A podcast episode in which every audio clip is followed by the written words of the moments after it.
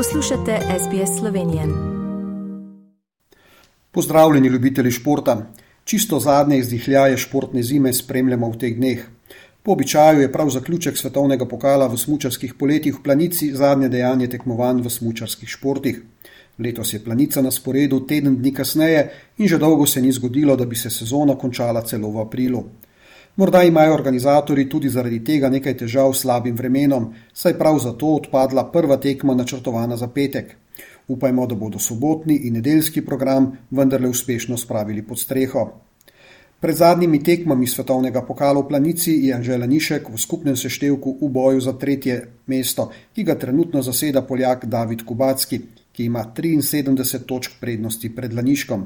Timi Zajci od naših drugi najboljši na 11. mestu, Žiga Jelar je 17. in Domen Prevc 20. Da smo že globoko v pomladnem času, pričajo tudi kolesarske dirke, ki so v polnem razmahu.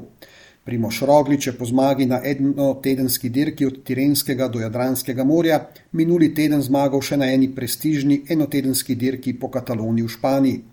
Na njej je ugnal belgijskega zvezdnika Renka Evenepola, ki je lani dobil dirko po Italiji in s katerim bosta letos glavna konkurenta za zmago na Džiru. Primoš Roglič je s tem postal kolesar z največ skupnimi zmagami na najbolj prestižnih enotedenskih dirkah in od skupaj sedmih dirk, ki sodijo v ta rang, mu sedaj manjka samo še zmaga na dirki po Švici.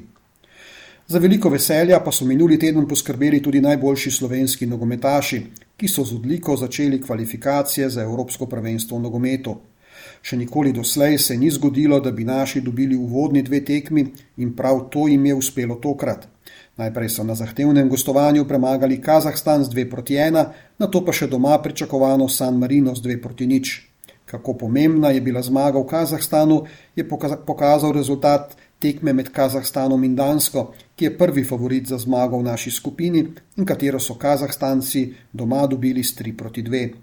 Naša reprezentanca je tako po vodnih dveh krogih sama na vrhu skupine šestih reprezentanc, od katerih se bosta na Evropsko prvenstvo uvrstili najboljši dve reprezentanci. Junija naše čakata tekmi proti Finski v gosteh in Danski doma. Na košarkarskih igriščih je trenutno v spredju dogajanje v ligi NBA, kjer se ekipe borijo za uvrstitev v končnico. Le to že ima zagotovljeno Goran Dragič, ki je postal novi član ekipe Milwaukee Bucks ki sodi celo v sam vrh favoritov za naslov letošnjega prvaka. Podobno kot Denver Nugget, za katera igra Vladko Čančar. Še najslabše trenutno kaže našemu prvemu zvezdniku Luki Dončiću, ki je svojim Dallasom zapadel v rezultatsko krizo in se mu vrstitev v končnico izmika. Morda bo ena od odločilnih tekem prihodnji petek v Dallasu, ko se bosta pomerila Dallas in Chicago, ter ki bo nosila uradni naziv I Feel Slovenia Night, saj je slovenska turistična organizacija tudi letos uradni sponzor kluba ter želi s tem ukrepiti prepoznavnost Slovenije kot turistične destinacije v ameriški zvezdni državi Teksas. To je bil pregled najbolj zanimivega športnega dogajanja v Sloveniji v minulih 14 dneh. Za vas sem ga tudi tokrat pripravil Tomaš Ambrožič, ki vas prav lepo pozdravljam.